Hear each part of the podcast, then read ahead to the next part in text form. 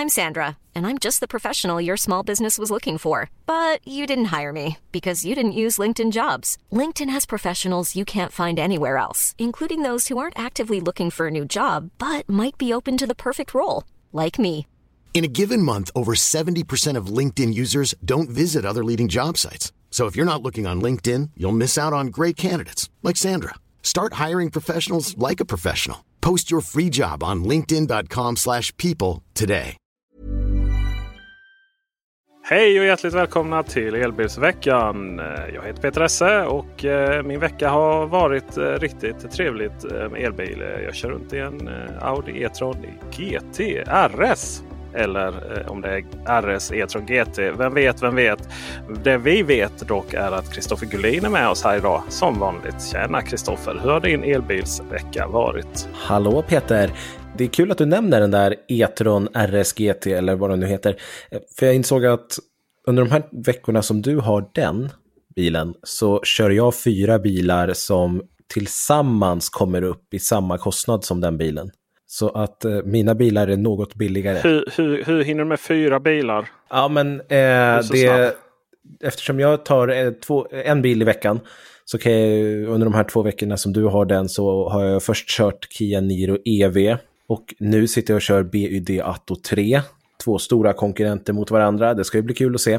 Och sen imorgon faktiskt, vi spelar in på en torsdag nu istället för normalt sett fredagar eftersom jag ska iväg imorgon för att köra en Nissan Leaf mot MG4 Standard Range. Sveriges billigaste elbil just nu i alla fall. Får vi se vad den, vad den kan göra för roligt. Men det är bara över dagen. Vad spännande. Det ska sägas att eh, det kanske lät lite arrogant att inte hålla koll på namnet här på den här E-tron RS GT. Eh, men det är ju så att det skrivs ut olika på olika ställen även hos Audi. Så att det är därför som det är lite oklart exakt vad den där bilen heter. Deras namnstandard har jag lite tappat koll på vart man ska sätta E-tron någonstans. Om det är före, efter eller mittemellan. Liksom. Man får välja helt enkelt en fri värld. Vi ska fortsätta prata en hel del Audi här framöver. Och de har lanserat lite produktnyheter. Men först så har vi eh, fått en eh, fråga eller kanske snarare feedback. Vi bad ju om att eh, få lite input på hur vi ska prata räckvidd, VLTP och förbrukning och sådär. Och Kristoffer, vad säger Christian egentligen? Precis, det är Christian här som har kommenterat på Spotify. Han skriver så här. Bra att ni försöker reda ut det här med räckvidd och VLTP, men är det inte förbrukningen, det vill säga mil per kilowattimme, som man skulle titta på för att få driftkostnader gentemot fossilbilen? Tack för en bra eh, program, skriver han också. Det har han väl egentligen inte helt fel i heller. Det är ju förbrukningen som är det intressanta det han tycker att man borde mäta är alltså mil per kilowattimme istället för kilowattimme per mil som vi ofta pratar om istället. Frågan är om det är felskrivning. Det kommer ju inte ens en mil per kilowatt. Kilometer snarare då per kilowattimme. Nej, för det jag tänkte att det skulle bli då, det blir ju typ 0,4 mil per kilowattimmar beroende på vad förbrukningen blir. Och det tror jag blir lite väl luddigt. Där tror jag att det är bättre att säga att en mil drar 2,2 kilowattimmar. Precis. Jag håller med om att förbrukning är bra egentligen, men att man kanske ska vända på det. Det är ju precis kilowattimmar per mil. För då blir det ju också liter per mil som det var en gång i tiden också. Just det, just det. Eh, för annars har vi ju kilowatt per mil. Eh, nu eh, pratar vi mycket om och eh, det är ju, eh, har ju en viss korrelans där. Kilowatt eh, per timme blir ju kilowattimmar. Jag gör helt enkelt så här att jag skriver var en bil drar hur många kilowattimmar per mil. Inte wattimmar per kilometer, inte kilowattimmar per kilometer eller 10 mil. Utan kilowattimmar per mil. Och då är vi alltså nere på mellan 1,5 och 2 eller 2,5 eller ibland 3 kilowattimmar per mil. Och sen inom parentes anger jag VLTP, den officiella. Och sen har jag också worst case scenario. Det är alltså svensk motorväg i dåligt väder. Då säger jag också hur många kilowattimmar per mil den drar och vad det innebär då i längd i och med att vi har olika batterier.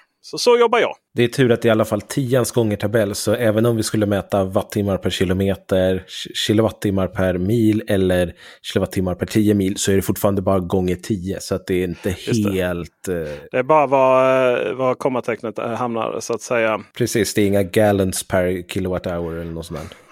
eller vad de nu säger. Ja, det var helt fel terminologi, men du förstår vad jag menar. Jajamensan. I landet eh, långt borta. Vi, det avlånga landet eh, kör vi gånger 10 här. Eh, med, och, eh, och kilowatt eh, och liter och sådana saker. Eh, du, eh, vi ska gå igenom en rad intressanta nyheter här innan vi ska prata om att det är dags för ett nytt kapitel för dig Kristoffer. Och eh, också det faktumet att du har kört Kia Niro EV. Men först så en eh, riktig snabbis här eh, hoppas jag att det är. För att jag tycker det här att eh, det ska byggas Saab i Trollhättan igen är inte det lite av en icke-nyhet? Jag tog ju med det här för, just för att du har varit väldigt tydlig med det här. För det som har hänt nu är ju att eh, Nevs, eh, det här företaget som tog över Saabs fabriker i Trollhättan, de gick ju i konkan och så vart det inget bra där. Sen så släpptes en eh, en presentation, pressmaterial på en bil de hade hållit på att bygga som de kallade Emily GT, som nu inte skulle bli av eftersom konkursen var ett faktum. Men så var det tidningen Automotorsport eh, som fick här i veckan säkra källor från Nevs, eh, det enda vi har, där, som säger att eh, det är två svenska företag med samma europeiska ägare som har tagit över Nevs eh, projekt, där MLGT är en av dem. Så det ser ut som att MLGT ska bli av, men dock inte under namnet Saab eller under namnet Nevs. Och jag tycker det här var fantastiska nyheter. Jag tycker det är jätteroligt att det ska byggas bilar, Eh, elbilar då, då i Sverige, i Trollhättan. Kan vi få Northvolt med batterier, då har vi liksom en, en svensk bil. Det tycker jag var fantastiskt. Och eh, då har man pratat lite med typ Peter Esse som har totalt sågat det här. ja, men det här Saab-vurmandet har ju fascinerat mig ända sedan jag var ung. I och med att eh, själv tillhörde vi Team Volvo. Då. Och sen det här att hela tiden bara Saab får ut en ny bil. Bara man kan lansera nya 9.5 så kommer det att ordna sig. Saab har ju aldrig tjäna några pengar och det ordnade ju inte sig när man lyckades få ut 9-5. Och den här historien eh, som man har följt och det här det är en av Sveriges största eller längsta konkurs eh, det var en hel verksamhet bara det så att säga. Och, och de här konkursadvokaterna de eh, var väl de som tjänade mest pengar på det här till slut. Jag säger lite att låt de döda vara döda. Och jag tror att mycket runt den här behovet att få ut en... Vi har pratat lite om syftet med Audi E-tron RS, E-tron GT och E-tron GT och andra Kia GT. Och de här, de här bilarna som har så extremt mycket kraft. Och sen så kör vi runt och lämnar barnen på förskolan och vi kör på motorväg max i 120 och sådär. Eh, är det liksom, finns det verkligen marknad för en eh, kraftfull bil ifrån Sverige? Och finns det pengar till att göra det? Jag menar, vi har så många uppstickare inom elbilsbranschen som eh, de lyckas ju inte. Jag menar, en av de, bäst, en av de mest framgångsrika uppstickarna är ju Polestar. Till exempel. Som ju faktiskt lyckas få ut bilar och lyckas utveckla nya bilar. Men det har ju att göra med att de får enormt mycket pengar från Volvo och eh, sina andra ägare. då, Det vill säga Geely. Och, och, bilarna som tillverkas, Polestar 2 är ju liksom Volvo-grund. Den tog sig fram som en Volvo-bil. Eh, systerbil till XC40. Polestar 3, Made in Torslanda. Eh, konceptet, eller prototyperna i alla fall. Eh, och, och, den är försenad på grund av Volvo. Det här är ju egentligen det här är ju rebrandade Volvo-bilar till stor del. då. Och, och sen de andra då som har försökt. Jag menar Fiskar har ju försökt följa så länge. och det, det finns ett begrepp från, eh, som Steve Jobs myntade. Real artist chips. Alltså att, att gå från att visa upp massa coola prototyper och teknik man pratar om och sådär till att faktiskt leverera och vara ett hälsosamt bilföretag som tillverkar elbilar. Det är väl bara Tesla som har lyckats med det. Vi har ju en annan uppstickare här i Sverige också som är ett gammalt märke som låg dött i många år och som nu ligger i topplistorna när det kommer till elbilar. MG. Ja. De var döda väldigt länge och nu är de väldigt populära. Jag tror absolut inte att Emily GT kommer bli en produktionsbil. Jag tror inte att den, de specifikationerna som finns på den bilen kommer att vara i närheten av produktion. För att den bilen skulle bli snordyr, ingen skulle ha råd med den och så skulle den mest stå folk eh, och titta på den. De skulle inte sälja några. Bilen har ett batteri på 175 kilowattimmar eller något sånt där dumt det, det skulle liksom inte funka. De kommer ju behöva sälja en otroligt nerbantad version av den bilen om det är så att de inte tar tekniken och gör någonting annat med det istället. Ska säga att MG är väl en inte helt hundra jämförelse. Det är väl helt enkelt så att MG kom till vårt land när den kinesiska tillverkaren som eh, köpte varumärket MG smällde på den logotypen på sina elbilar. Ja, så är det ju absolut. Men vi vet ju i dagsläget inte vilka som har köpt den. Så är det ju. Det ska ju sägas det att, en, eh, en, att, att tillverka MG har ju nått framgång just för att de är så billiga framför någonting annat. Medan Saab eh, hade ju det här problemet att de vägrade använda mycket av de komponenterna från GM. Och man skulle alltid utveckla egna saker och det var ju därför man liksom inte lyckades göra några pengar istället för att ta någon random värdelös GPS-system från GM. Då, när Eh, GM i USA ägde dem. Jag tror att det här handlar om något helt annat. Och Sen verkar det också vara liksom så begreppsförvirring. Då, det här med att det är en europeisk koncern med två svenska bolag då, som har köpt Emily GT-projektet. Det är som jag förstår det numera en europeisk koncern som har köpt två stycken projekt från NEFS. Emily GT och ett projekt för självkörande bilar och sån teknik. Och kommer mm. sen skapa två svenska bolag runt det här. Eh, ganska så säker på att vi kommer få se en era av fordonsteknik i Trollhättan fortsättningsvis. Eh, inte bara det här bolaget utan även Polestar storsatsar i Trollhättan och så vidare. och så vidare. Det kommer hända väldigt, väldigt mycket där. Men just att vi skulle få en ny svenskt bilmärke som kommer nå framgång. Det tror jag att vi kommer ha, inte få se. Men vi kan ju hoppas att det händer så innerligt. För det hade varit häftigt. Precis, det, det, skulle jag tycka verkligen. Eh, och just nu så har vi inte så mycket mer information att gå på, förutom just det. Och det här med information att gå på, det behöver vi kanske klargöra när det kommer till andra saker. Typ bränder. Precis, på tal om äh, saker som skeppas då. Eh, det är ju just nu i, när detta spelas in så var det too soon på den kanske. Ja. När detta spelades in så eh, fortgår branden på eh, bilfraktarfartyget Fremantle Highway utanför Nederländernas kust. Och eh, det blev ju ganska så snabbt då en rubrik om detta. Att det är nog en elbil som har skapat den här branden. Och det där är, börjar bli lite symptomatiskt nu. Så fort det finns en elbil i närheten av någon, något som brinner så, så på något sätt så slutar alla formuleringarna. Det kan nog vara så att den var inblandad. Inblandad är ju denna bil och 25 andra elbilar. Men så också 2857 fossilbilar är ganska inblandade. Vi ska eh, strax återkomma till vad detta innebär när det brinner på ett fartyg. Men det ska sägas att hela den här idén om att det var en elbil som skulle ha startat den här branden. Det där har ingen bäring. Det är Electrek som har ringt upp den eh, nederländska kustbevakningen. Som då från början skulle ha skulle ha spekulerat i att det kanske var en elbil som har startat det.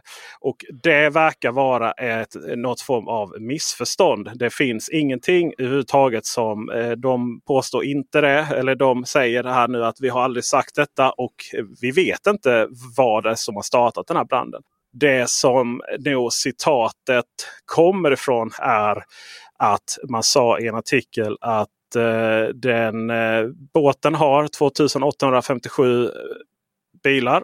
Oj, se där. Det till och med jag har missförstått. Det var alltså eh, 25 av dessa är elbilar. Så det var alltså inte 2857 bilar plus 25 utan totalt sett 2857 bilar.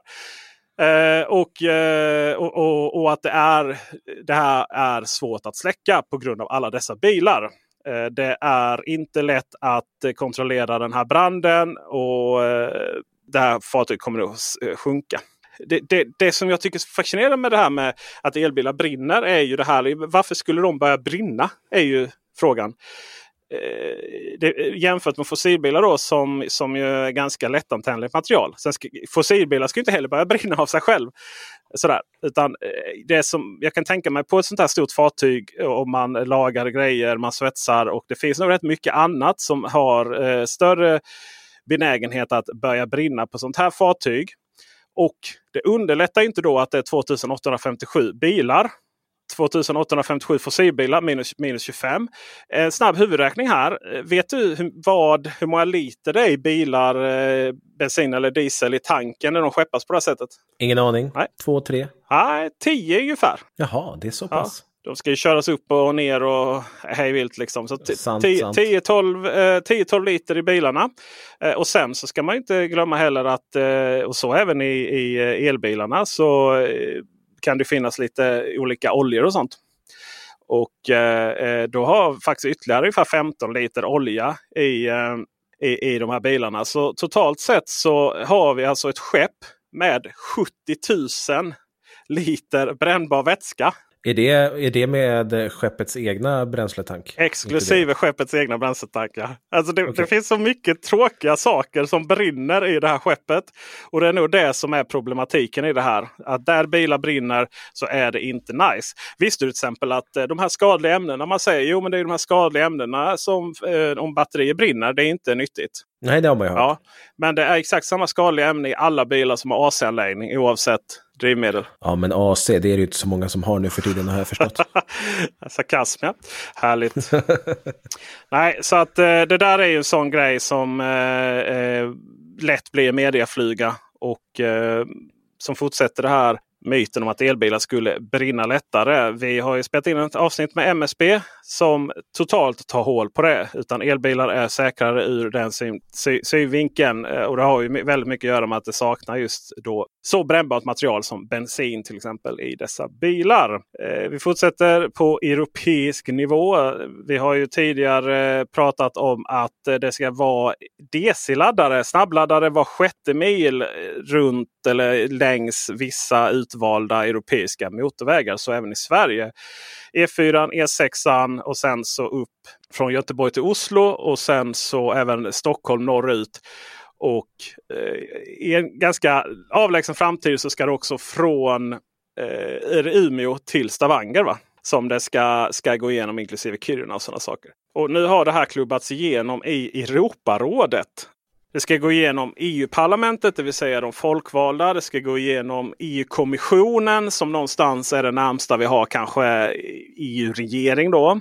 Eh, även om det absolut inte är en regering. Och sen så ska det igenom rådet då, eh, Europeiska rådet, som ju är att, att, att statsöverhuvuden, att själva länderna också ska få säga sitt. Då. Så nu, nu är liksom Europarådet och kommissionen eh, ense här om att, att det här ska hända. I det här också så har vi lite andra nyheter. Nämligen fascinerande saker att eh, va, alla flygplatser måste inom x antal år ha elladdning till elflygplanen. Nice. Så det, finns, det är lite olika. Det är, vi har 2025 vissa saker. Det kan jag säga, det gäller inte flygplanen. Eh, 2030 eh, och sådär. Så det finns lite olika, eh, finns lite olika datum att förhålla sig till. Men det som eh, också hamnar över en viss storlek måste också kunna erbjuda laddning av båtar. Mm. Eh, Men en annan okay. sak som vi kan läsa i det här förslaget det är att eh, från och med ett datum som inte är riktigt, riktigt känt. Men i framtiden så måste alla snabbladdare erbjuda kortbetalning, så kallad ad hoc-betalning via kort. Det måste gå att bara åka till en laddare. Du ska inte behöva ha abonnemang, du ska inte behöva ha tagg, du ska inte behöva förbereda, du ska inte behöva app. Utan du ska bara vid varje laddare som är nybyggd efter det här datumet måste du bara kunna gå och blippa ditt betalkort på. Och det är ju någonting vi har pratat om innan, att det här är någonting som vi faktiskt efterfrågar. Det är någonting som jag tycker att fler och fler börjar komma med också. Och eh, framförallt nu på sommaren när många är ute och kör i Europa så har man sett väldigt mycket bilder på både Tesla-laddare och eh, Ionity-laddare och det med kortbetalning.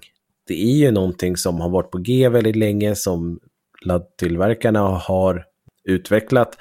Och det ska egentligen bara göras. Yep. Det är lite så jag känner. Att kan vi komma i mål med den här frågan någon gång? Och det är väl, känns väl som att eh, tillverkarna springer snabbare än eh, regulatorerna här nu. Det vill säga att eh, Tesla har ju visat upp sin kortbetalning för deras V4-laddare. Precis, precis. En ganska snygg integrering och det är väl egentligen inget ovanligt att tekniken går snabbare än lagar och regler.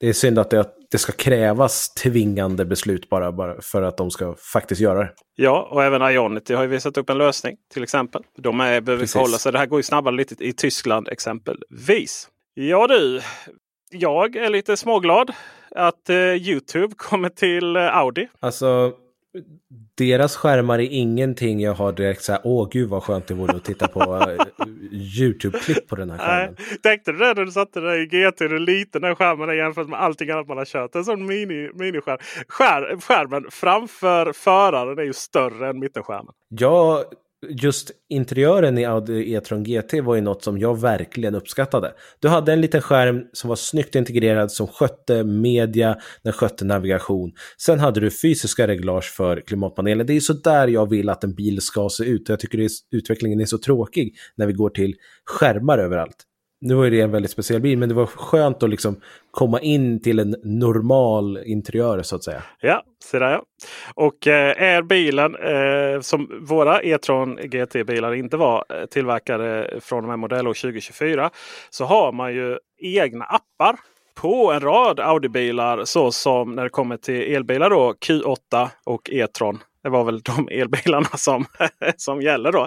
Eh, men också Audi A4, A5, Q5, A6, A7 och A8. Du hoppar över Q4? Det gjorde jag. Anledning. För det är ju, är det en Audi? Det, det, är ett, par riggar i fronten i alla fall. ja, det är det Nej. Mer, kan jag inte säga. Q, Q4 har ju inte samma mjukvara som då de här Eh, bilarna som är, eh, det, de delar en och samma plattform egentligen. Då, de här, eh, skulle jag säga, säga E-tron GT eh, och RS E-tron GT har ju en annan plattform från Porsche Taycan. Då. Men det är väl samma mjukvara då kan vi anta. Ja, det är samma mjukvara, vi känner igen den så väl. då. Medan Q4 påminna om den. Den ser likadan ut men den har sina egen, egenheter. Eh, Youtube, Apple Music och sådana saker finns och eh, Youtube är helt nytt här. Jag ska försöka spåra upp en lite nyare Q8 och göra en liten video om det här så ska jag prova hur det är att titta på Youtube på den här lilla, lilla, lilla skärmen. Frågan är ju om nästa Audi har en större skärm? Ja, jag har inte hunnit kolla så mycket på det än faktiskt. Men det är ju så att Audi har visat upp Audi Q6 E-tron här för eh, vissa medier som har fått flyga till Färöarna för att ta en titt på en förproduktionsbil av den här modellen. Den här bilen är byggd på en PPE-plattform och eh, det står för typ eh, no, Premium Electric någonting. Det där kan du bättre än mig. Premium Platform Electric. Såklart. Eh, lite lite Yoda-språk där. Jag hade nog sagt tvärtom. Strunt samma. Det är ett 800 volt eh, system i den här bilen, vilket betyder att vi kommer kunna ladda jättesnabbt upp till 270 kilowatt DC. Det är ett 100 kilowattimmars batteri som eh, sitter i den här bilen. Den är all-wheel drive såklart, AVD. Dubbla motorer, 280 kilowatt eh, total motoreffekt på den här bilen som ska göra att den går från 0 till 100 på 5,9 sekunder eller något sånt onödigt. Den ska ha få en förväntad räckvidd och nu är vi tillbaka på det här med VLTP och förväntad räckvidd. Den har alltså inte VLTP-testats än så man kan eh, så Audi har bara vad de tror. Och då säger de upp till 600 kilometer. Jag gissar på att det är i stadsmiljö och att det absolut inte är en blandad körning på den siffran. Är det en blandad körning så är ju det toppen. Den gick ju, de som testade den här på Färöarna sa ju att den var ju rätt töstig. Ja, och därför tänker jag att 600 kilometer estimerad räckvidd det är ju i stadsmiljö. Det får vi se. Jag noterade ju att den har samma, i alla fall dessa bilar har samma touchknappar som Q4 på ratten. Mm, Varför härligt. Audi? Varför? Jag tycker Audi borde ha mer självförtroende där. Och säga men vi är lite konservativa. Vi gillar det här lite med fysiska reglage och så. Även om Q4-ratten är bättre än eh, ID4-ratten. Men, eller kontrollerna då. Eh, generellt sett så blev jag så bara... Äh, ja, den såg ut som en... Ja, om man elektrifierar en Q5 typ. Ja, det är, det är lite tråkigt eh, just det där med ratten att de fort... Alltså hur stora led är det egentligen inom det där bolaget? Det måste ju vara enorma när vdn har gått ut för länge sedan och sagt att vi ska gå bort från det här och så kommer de med nya modeller som har kvar de här knapparna. Vi har ju både ID7, den har ju kommit efter att deras vd sa att knapparna skulle bort. Touchreglage menar du? Knapparna ska dit? Ja, ja. ja nej, men att man ska ja, köra med fysiska knappar på ratten. Jag tycker att det är jättemärkligt hur man liksom inte kan göra om några detaljer. Sen som sagt, som jag har nämnt tidigare, många ägare säger ju att det funkar och att det bara är vi recensenter som gnäller om det. Jag har ju en Cupra Born på G så att får väl testa. Fast det är ju jobbigt med framförallt på eh, Cupra då, Skoda och framförallt Volkswagen. Det är lätt att trycka fel. Helt plötsligt så aktiverar ja, ja, du hur lång distans du ska ha mellan bilen när du försöker göra någonting annat. Så där, det är så här dubbelnatur på knapparna. Och, nej, Audi. Det kanske inte är för sent att få tillbaka. Det, jag gillar ju verkligen det här med scrollhjulen där de finns. Det är riktigt, riktigt bra. Eh, bland ja. annat så skillnaden mellan Kia EV6 och Ioniq 6 är ju att Kian hade ju switchar. Du trycker upp och ner två stycken på höger sida av ratten. Och det var ju bara så oh vilken, vilken switch var det nu igen?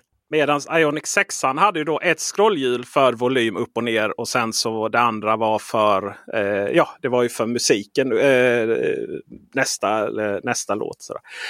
Eh, sen, sen, och det känns som att Audi har ju verkligen det, det, finns inget att lösa där. Man, man har den här jättetydligheten där på höger sida så har du, trycker du höger så har du en ny låt. Trycker du vänster så går du tillbaka. Eh, ratt eller scrollhjulet upp och ner så scroll, scrollar du eh, volymen. menar, det, det, behövs ingenting mer på högersidan. Det, det är klockrent liksom. Eh, sådär. Nej, jag håller helt och fullt med. Jag... Sen är det ju det här igen då. Liksom. Det är stora bilar och eh, eh den eh, stora batterier och sådär. Och det är fyrhjulsdrift. Det här är ju ändå liksom... mellansegmentet mer jag giss, det är ju här jag tänker att XC60 kommer tävla liksom. Ja. Den här kommer ju tävla med Volvo XC60 som är en väldigt populär bil i Sverige. Det är det här som många tjänstebilsförare vill ha, förutom A6-kombin som också kommer snart. Då. Nästa år så kanske vi börjar få se att Audi börjar faktiskt få ut bilar som är för i, i större volym än bara Q8 som och Q4. Liksom. Ja, det är lätt att glömma det faktumet att de nya bilarna hela tiden ska vara en, en klass mindre än den äldsta bilen de har. Där kan det vara vissa förväntansdiskrepanser. Man tänker så här, ja, men Q8 den börjar bli gammal. Den gammal redan när den kom. Han nu Q8 E-tron. För den är ju det är ju gamla E-tron och så har den fått lite ny front och lite bättre aerodynamik och, och större batteri. Och så där. Men det är ändå den här ganska gamla bilen. Eh, och sen då när det kommer helt nya bilar här då så känner man ja men nu kommer vi verkligen få se Audis elbils. Jo fast den ska ändå prissättas lägre och vara lite mindre exklusiv än den gamla. Där. Så där har nu Audi liten identitetskris framöver. Hiring for your small business? If you're not looking for professionals on LinkedIn you're looking in the wrong place. That's like looking for your car keys in a fish tank. LinkedIn helps you hire professionals you can't find anywhere else, even those who aren't actively searching for a new job but might be open to the perfect role. In a given month, over 70% of LinkedIn users don't even visit other leading job sites. So start looking in the right place. With LinkedIn, you can hire professionals like a professional. Post your free job on linkedin.com slash people today. Jaha, Kristoffer Gullin. Dags för ett nytt kapitel. Det är lite som en sån här youtuber som har det här oh, everything change. Uh, I regret this. Och sen, sen handlar det bara om någon recension av en kamera. Är det en kamera du ska...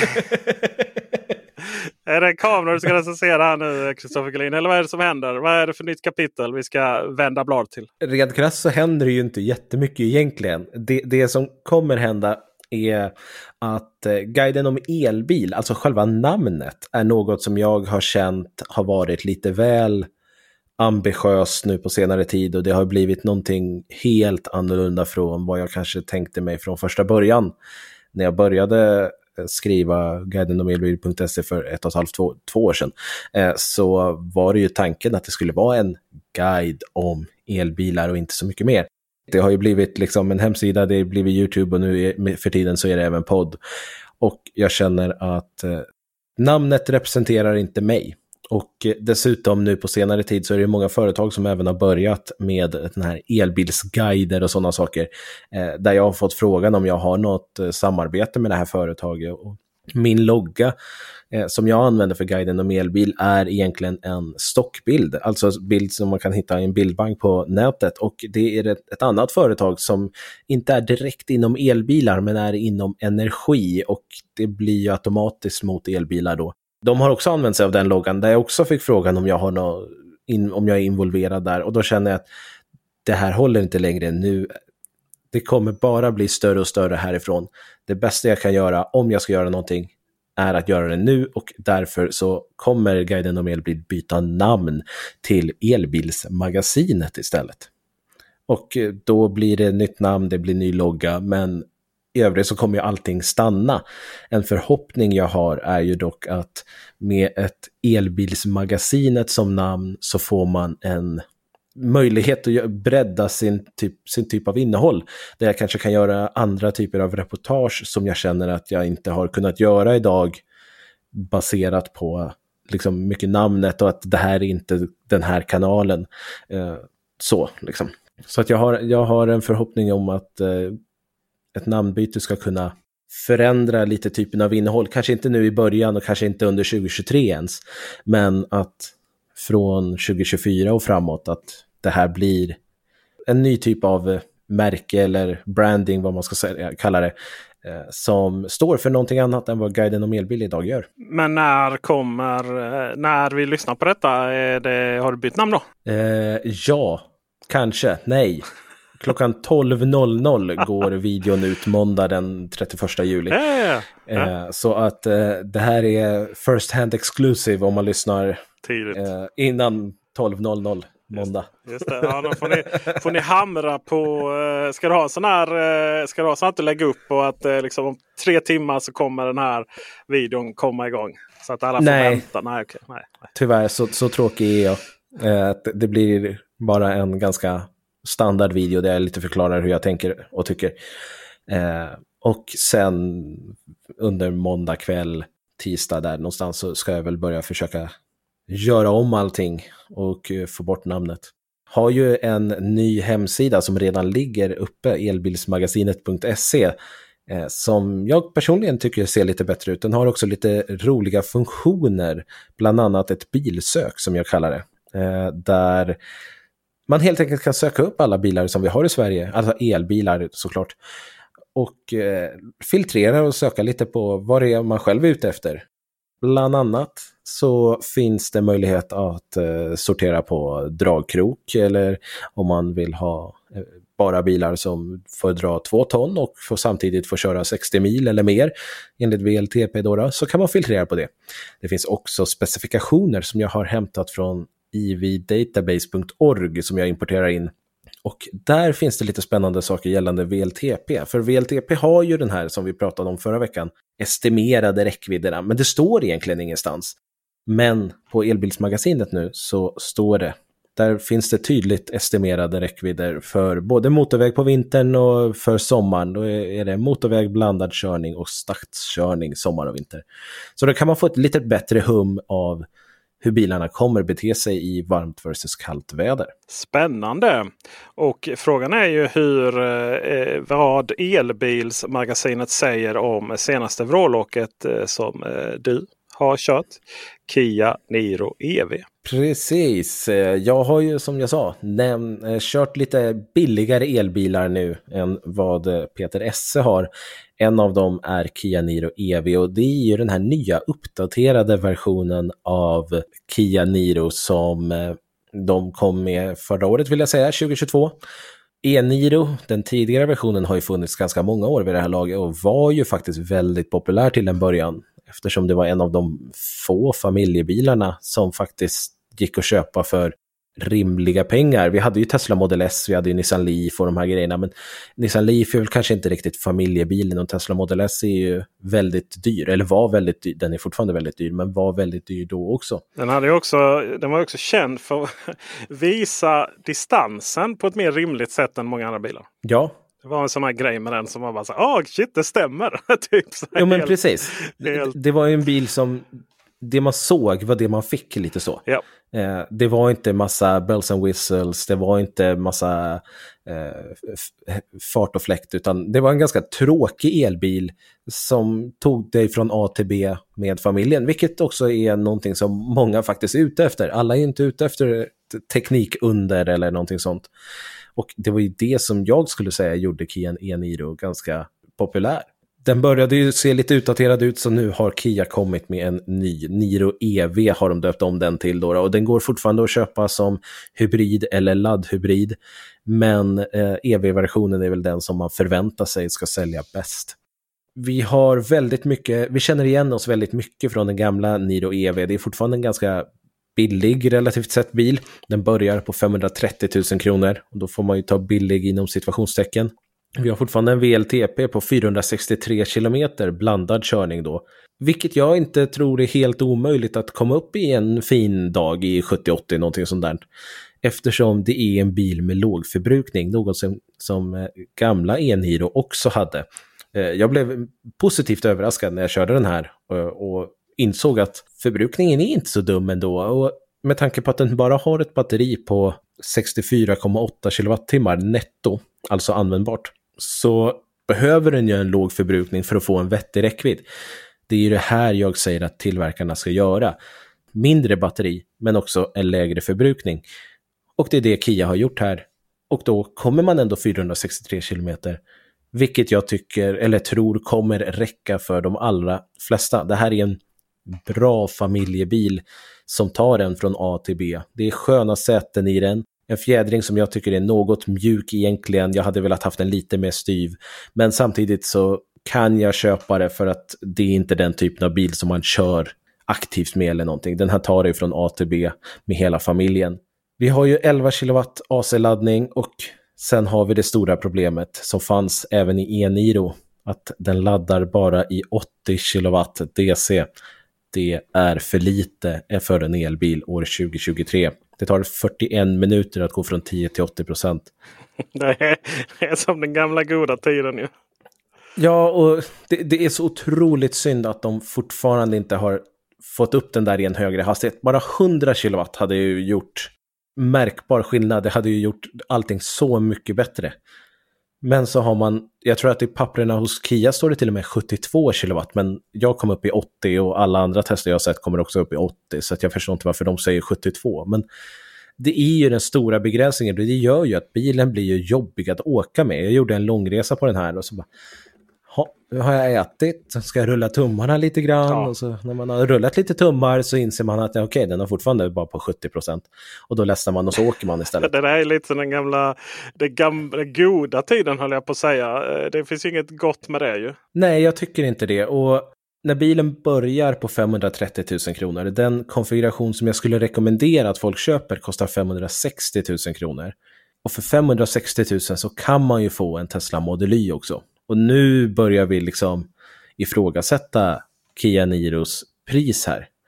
Jag tycker personligen att den här mellanversionen som folk borde köpa skulle ligga närmare 500. Skulle de kunna lägga den på 499 eller 500 exakt?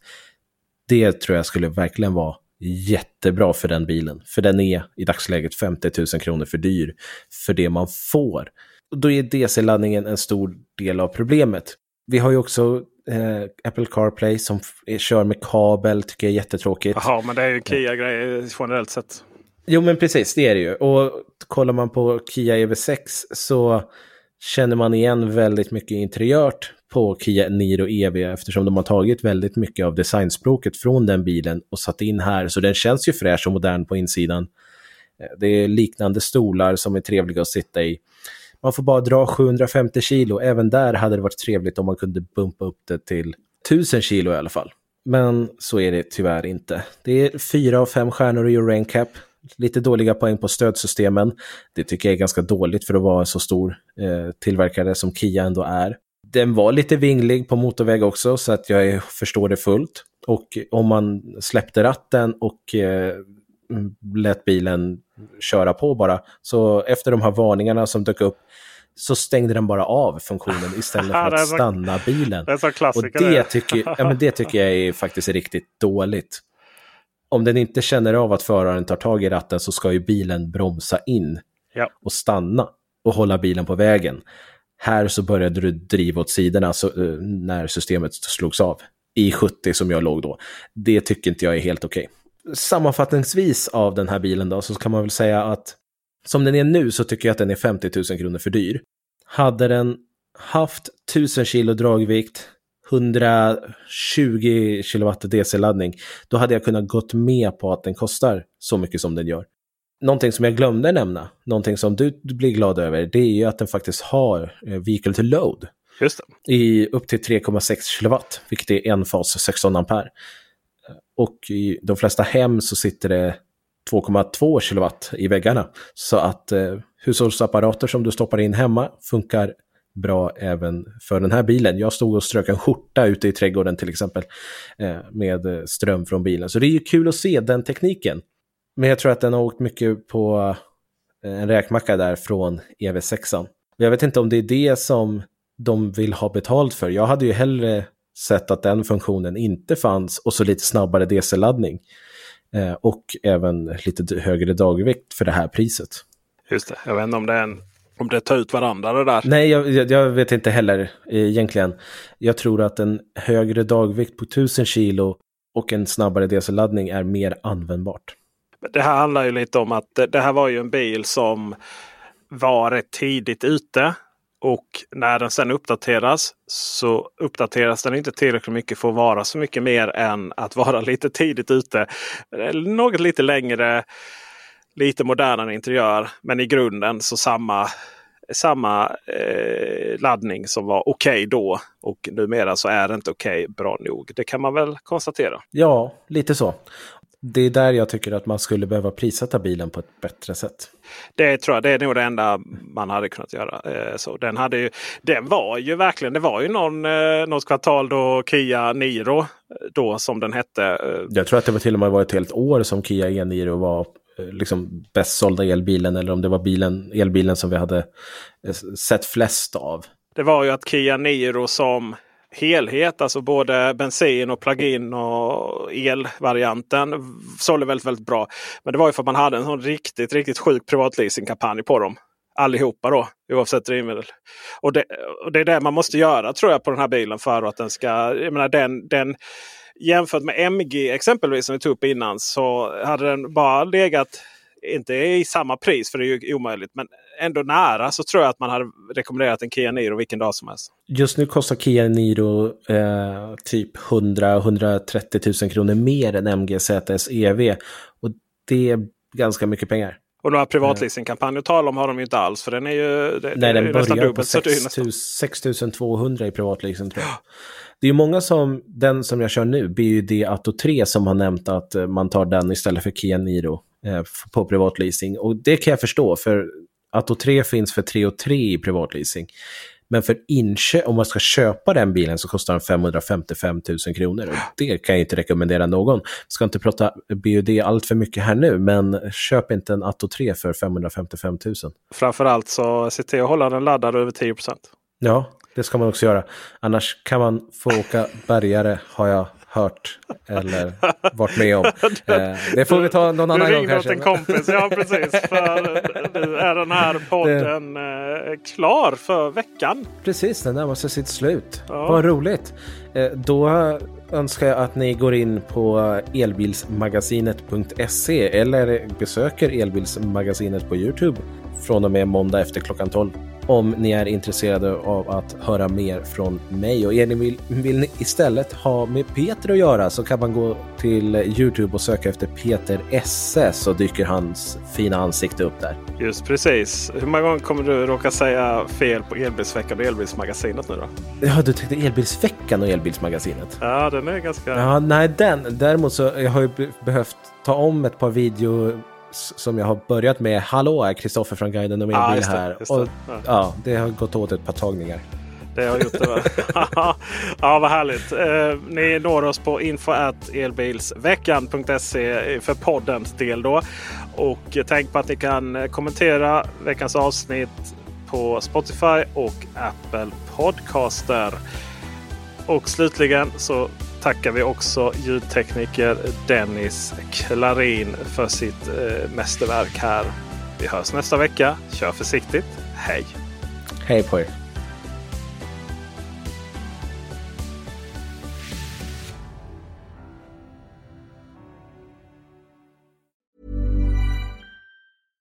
When you drive a vehicle so reliable it's backed by a 10-year, 100,000-mile limited warranty, you stop thinking about what you can't do and start doing what you never thought possible. Visit your local Kia dealer today to see what you're capable of in a vehicle that inspires confidence around every corner. Kia, movement that inspires. Call 800 333 4KIA for details. Always drive safely. Limited inventory available. Warranties include 10 year 100,000 mile powertrain and 5 year 60,000 mile basic. Warranties are limited. See retailer for details. Hey, Drew Scott here, and I'm Jonathan Scott, reminding you that life's better with a home policy from American Family Insurance. They can help you get just the right protection at just the right price and help you save when you bundle home and auto. Kind of like Goldilocks and the Three Bears. It'll be just right for you. We love a custom build. American Family Insurance. Insure carefully, dream fearlessly. Get a quote and find an agent at amfam.com. Products not available in every state. Visit amfam.com to learn how discounts may apply to you. American Family Mutual Insurance Company SI and its operating company 6000 American Parkway, Madison, Wisconsin.